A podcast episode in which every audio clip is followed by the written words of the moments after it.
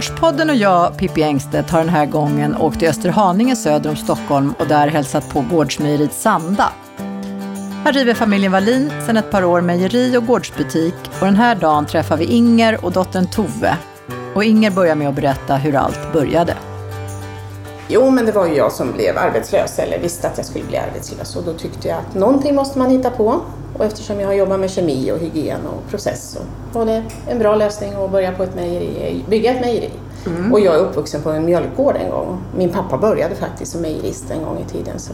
Och när Ben, eh, svärsonen, kom in i familjen och hade kontakt med gårdar, jobbade på gårdar, man hade tillgång till mjölk, så var det självklart. Då föll sista pusselbiten på plats. Hur länge hade du tänkt på det? Eh, ja, kanske några år. Mm. Sådär. Och drömt om det eller bara? Nej, Nej. Jag, jag, vet inte var det kom ifrån. Någonstans fanns det där bara. Så då, Kanske det var den som, vad sa du? Kanske din bakgrund? Ja, bakgrunden ja, säkert. Fast ja. jag tänkte inte aktivt på Nej. det. Men att det var Ben som var pusselbiten som gjorde att det hela fogades ihop på något sätt så var det så. Ja. ja. Och vad började ni med då? Eh, hur börjar man? Hur startar man ett mejeri? Hur startar man? Ja, jag hade ju faktiskt eh, lång tid på mig att jag hade, eftersom jag var ganska gammal och hade jobbat väldigt länge i företaget så fick jag ju ett och ett halvt år med full lön. Så jag hade tid att planera, ta kontakter med myndigheter, eh, få tag i byggjobbare och få offerter och få alla papper på plats. Och sen, sen var det dags för bygget också då så att det tog ju kanske 6-7 månader att bygga mm. totalt sett från när vi hade planerat upp. Och sen eh, ja, startade vi ystningen i maj 2012. Mm. Du var med från början också, eller? Ja, ja. Eh, jag kom in eh, precis, ska man säga. Jag hade en liten bebis vid tillfället så jag kom väl in på under sommarhösten här. Men jag har varit delaktig under hela perioden och sen vi startade upp butiken i augusti 2012 så det är ju ett av mina ska man säga, eh, områden då mm, mm. Eh, med försäljning. Även om jag är med och, rör i grytan också mycket. Tove ansvarar för försäljningen och hand om butiken och har sin pappa som slav i butiken. ja, för det är biträdande, ja, biträde eller biträdande butikschef. För det är ett familjeföretag? Absolut, ja. Vi är, I första hand är det är det Ben och jag som jobbar med process och gör ost i nuläget. Och Tove har jobbat mycket med det och kan också, men ansvarar för försäljning och så. Och Bengt är med i butiken och, och han bokför, är duktig på ekonomi och så. så. Vi sköter allting mm. sånt själva. Inga, och sen är det en syster till också som är... Vi har en, ja. en, jag har en dotter till då eller vi har en dotter till ska jag säga. Och hon hjälper till med hemsidan och med kommunikation och ibland är hon med på marknaden när hon kan och hinner. Men och hur gör, alltså, ostrecept? Visste du vilka, eller ni, vilka ostar ni ville göra eller hur kom ni på ja, det? Ja, till att börja med var det ju på ystningskursen jag gick i Jämtland då 2007 så fick man ju med sig lite recept mm. eh, från kursen och sen har jag fått lite extra recept ifrån de som har kurser där. Och sen har både jag och Tove gått på kurser i Flen hos Jysch som är jätteduktiga på det här med osttillverkning och kurser också. De har mm. mycket kurser.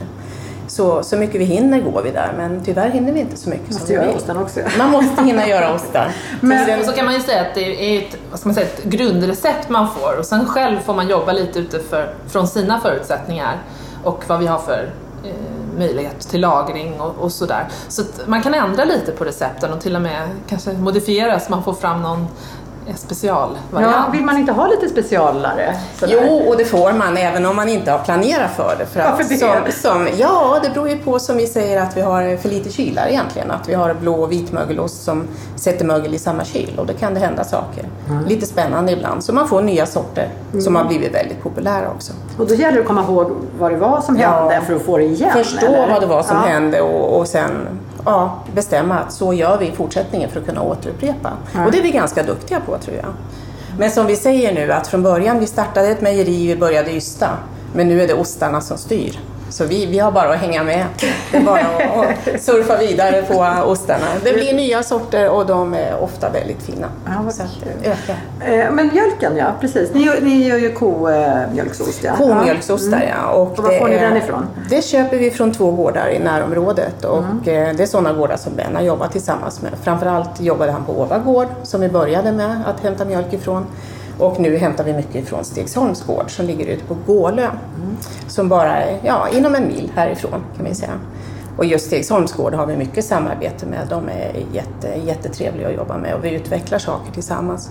Och vi säljer buti- eh, deras, en del av deras produkter. De bakar knäckebröd och annat, gör annat som vi säljer. Tror vi har hand om i butikerna. Smakar mjölken olika från de här två gårdarna? Kan man känna skillnad? Ja, det kan man göra. Det är, det är olika kosorter. Så Åva gård har den här svartvita Holstein-kor. Och där är både mm, fetthalt lite lägre och eh, det är en liten annan eh, sorts mjölk om man ska säga. Mm. Medan Stegsholms gård har de här SRB, de brunvita, de här svensk, ska man säga, svensk eh, Eh, eh, rödbrokig Röd- råskap, Mm. tror jag Mm. man utläser. Och de har högre fetthalt och också någonting som heter kasein som gör att eh, osten, eh, vad ska man säga, kol... Koagulerar lättare kan vi säga. Att det, det är olika löptider. Om vi säger innan, innan det blir ett koagel av osten så, så går det Stenar, det snabbare. stenar. Ja, Koagel. ja. precis. Att det blir stenare. Så går det snabbare med, med eh, Stegsholmsmjölken eftersom den innehåller mer, som Tove sa, det här proteinet kasein som är det som bildar koagel.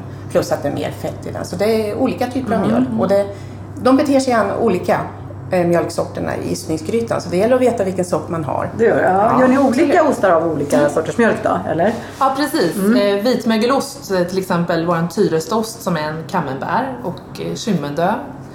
Eh, vår brieost, eh, den gör vi alltid på Stegsholms eh, gårds eh, mjölk för den tycker vi Passar bäst. passar Ja. bäst. Medan eh, Åva Ädel, som det låter, görs på Åvas eh, mjö- eh, mjölk. För den är, det är bättre att den har lite lägre fetthalt. Just det, de här roliga namnen ja. Eh, Hur kom ni på i början där vad ni skulle kalla ostarna? Ja, men det var vi nog klara på att vi ville ha lokal förankring, att det är viktigt att eh, visa var vi håller till någonstans och vi är stolta över att hålla till i Haninge faktiskt. Och vi är glada över Haninge kommun som har stöttat oss mycket och vi känner att vi har fått ja, stöd på många sätt.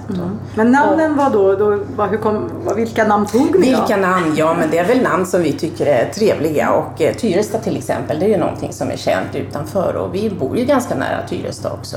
Och, eh, Vilken det- ost blev det då? Det? Det var Camembären som heter Tyresta. Kymmendö är väl den vi haft mest bekymmer med namnet. För Ja. som ni vet så Kymmendö är det som är egentligen Hemsö, Strindbergs Hemsö. Så vi tycker det är lite roligt och det ligger ju till Haninge också.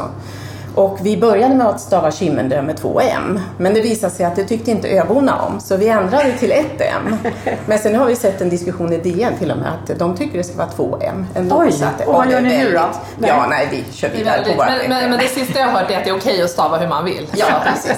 Så vi fastnar där. Nu- Vi fortsätter med ett. Ja, Ja, ja, ja, ja, vara. nu får det vara. Ja. Tänker vi inte byta Och inte hem. Hemsö ska det ju inte vara. Nej, nej. Nej, nej, absolut Och sen är det andra, andra namn härifrån då. Så vi har till exempel en kryddost, lite ibland, inte alltid, men till helger och kräftorna och så. Och den heter Stegsholm, givetvis, eftersom vi gör på mjölken därifrån. Och den är din kryddblandning i? Var det så? Ja, precis. Vad har, Där är det har vi- inte hemligt? Det är det inte i alla fall. Nej, men... Det är ingen som kan göra osten Nej, då. Så. abs- absolut. Nej, nej. Hur svårt kan det vara, tänker man ju. Men vad har ni? Vad har, Eh, Ja, den har vi i kummin, spiskummin och eh, lite kryddnejlika. Ja, provar ni ut och sådär? Så gör ni lite, eh, utvecklar och tar mer eller mindre av olika kryddor eller? Hur? Ja, alltså vi har ju sett nu då att vi kanske var lite fega i början, så då får man ju dubblera då satsen. Men det, det är ju lite knivigt det här, för det tar ju åtminstone sex månader innan osten blir klar. Så att du kan ju inte provsmaka den eh, och se på... Det är inte så bra att öppna den innan den är färdig, så man får liksom vänta och se och ha tålamod med det här.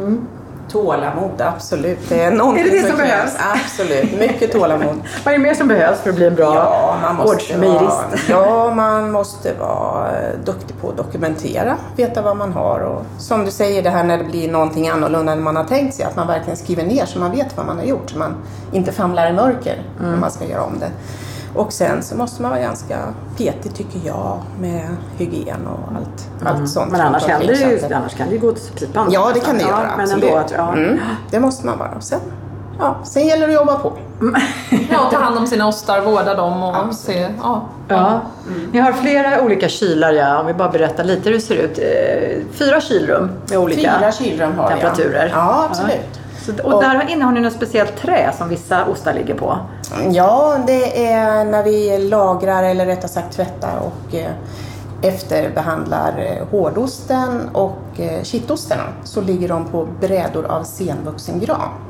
Senvuxen det betyder att det är ganska kompakt trä som har vuxit väldigt hårt. Så det är hårt trä. Vem har kommit på det? Att det ska vara det? Eh, det tror jag finns en tradition inom mejerikretsar att gran är bra när det gäller att eh, dels eh, underhålla så att mjölksyrabakterierna som är de som jobbar i osten, att de trivs på det träet. Men att det också håller borta dåliga bakterier som man inte, som man inte önskar ha. Så det, det är en bra sorts trä att använda. Så det är ett pussel lite vilka ostar som ska ligga i vilka kylar. Ja, och, absolut. ja. Det Men ni håller på med lite ost nu också. Ja, ska vi gå in och titta lite i Ja. mejeri? Här var det lite varmare. Ja. Här är det varmare. Idag är det, ja, nu är det 24,5 grad så det är, det är idealisk temperatur för att osta i faktiskt. Aha. Det får inte vara för kallt alltså? Det får inte vara för kallt. Nu ligger ju ostmassan i grytan så nu styrs ju temperaturen där av den temperatur vi sätter i själva, på själva eh, kontrollpanelen där. Men sen när man har format osten så den ligger i formarna då är den beroende av temperaturen i rummet och då får man inte ha för kallt för det är inte bra. Mellan, faktiskt mellan 25 och ända upp på 30 grader kan vara idealiskt för Oj, ostar. men det, det är ju lite jobbigt att jobba i 30 grader. Eh, 30 grader och väldigt hög luftfuktighet som det blir när man har diskat ganska mycket här, då svettas man rätt så bra. Så det gäller att komma ihåg att dricka vatten. Så Och gå in och kyla sig i kylarna. I kylarna, ja. Ja, Kylrum. Det är tur att man har de här kylarna. De är jättebra. Vad är det som är, händer i grytan här nu då? Nu, idag ystar vi en hårdost. Så det som har hänt är att Ben hämtade mjölk nu på morgonen och eh, han hämtade 375 liter. Och sen så har vi pasteuriserat den, det vill säga eh, hettat upp den till 63 grader och sen måste den hålla den temperaturen i minst en halvtimme för att man ska veta att den eh, inte innehåller farliga bakterier. Sen kyler vi ner till eh, ystningstemperatur, 30 grader i det här fallet. Och sen sätter vi till en syrakultur, en mesofilkultur för att den ska få tillräckligt mycket mjölksyrabakterier efter pasteuriseringen. Då försvinner ju lite av de goda bakterierna också, så då sätter man till mjölksyra för att hjälpa ystningen. Och sen så eh, när den har fått eh, liksom, gossa till sig lite i mjölken och kommit igång då så, så sätter man till löpe, det vill säga det enzym som gör att det bildas en ostmassa, att det bildas ett koagel.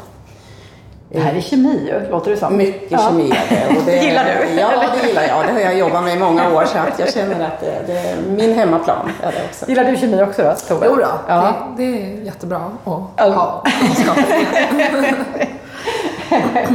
Och sen, eh, vad kommer hända med osten sen? Massan här? Under tiden, eh, nu håller den på och ska bilda det här kaglet och stelna för jag har hällt i löpe här. Och sen eh, när det har stelnat tillräckligt, det tar knappt 45-50 minuter från jag satte till det. Då ska man bryta ostmassan, kallas det för. Och det är att man, eh, man skär så att det blir som eh, fyrkan, eh, kuber av osten. Och det gör man med hjälp av en sån här osttärpa. Just det, en stor, man säga? Det ser ut som ett galler. Ja, som ett galler med, med en vass sida så att det är som knivar här. Så att, så att man skär eh, parallella spår åt, eh, först åt ena hållet och sen eh, 90 grader emot och sen i tredje dimensionen. Så man måste ner med händerna i grytan ordentligt.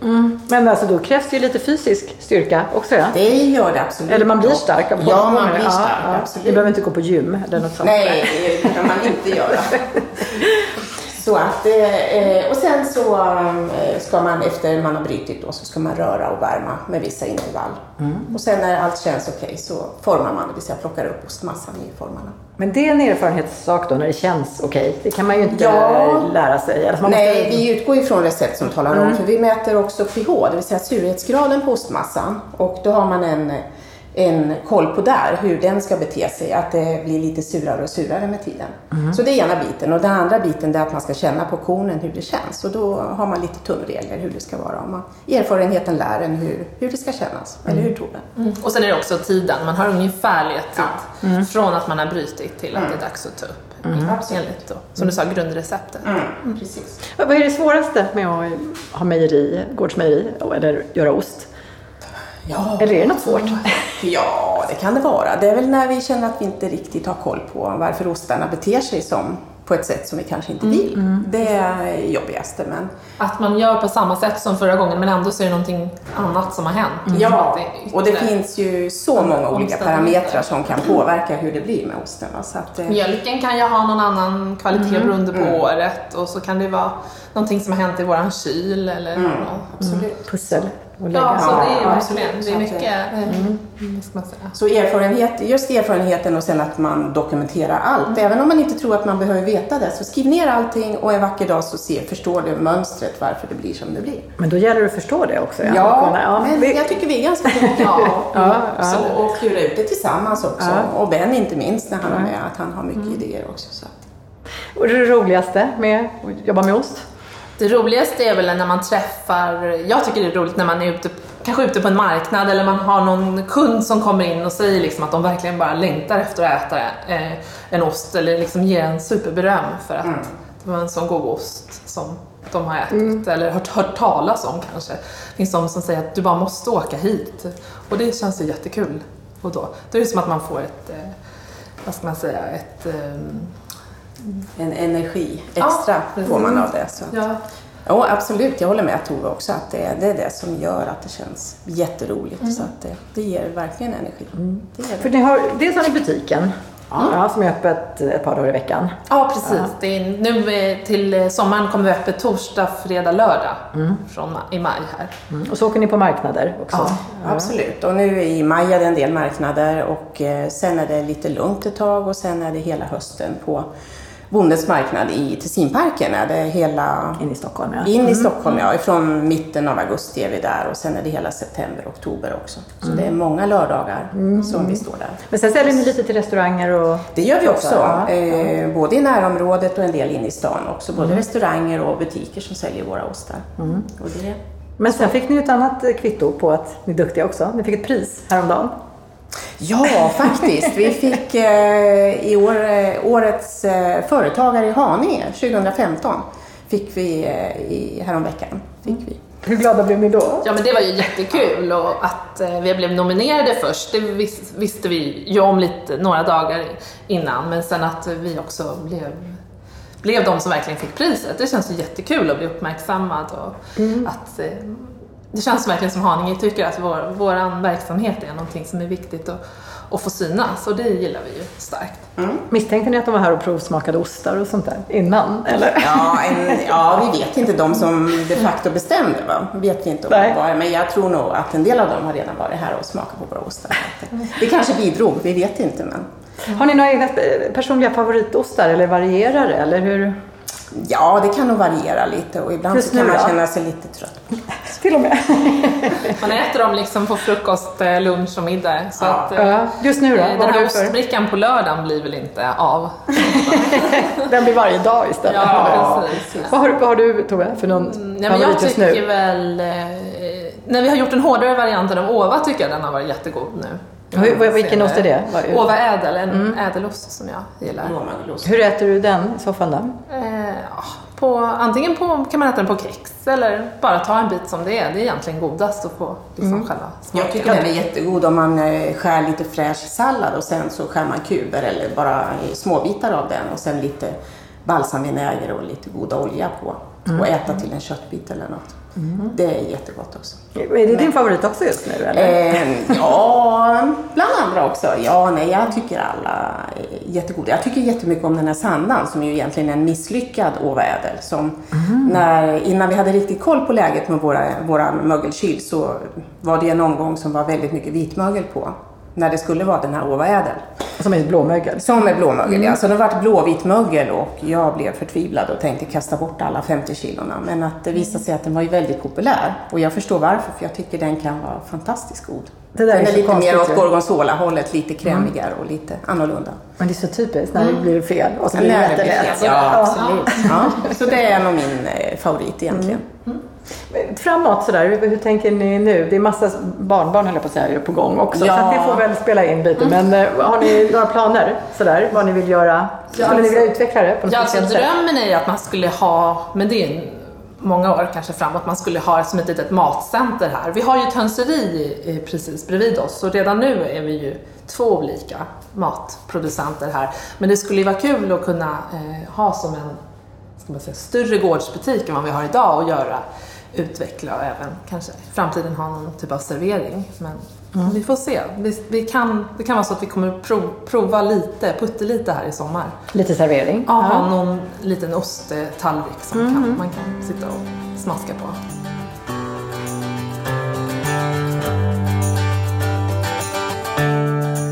Och det sa Tove som med sin mamma Inger Wallin och familj driver gårdsmejeriet Sanda i Österhaninge söder om Stockholm.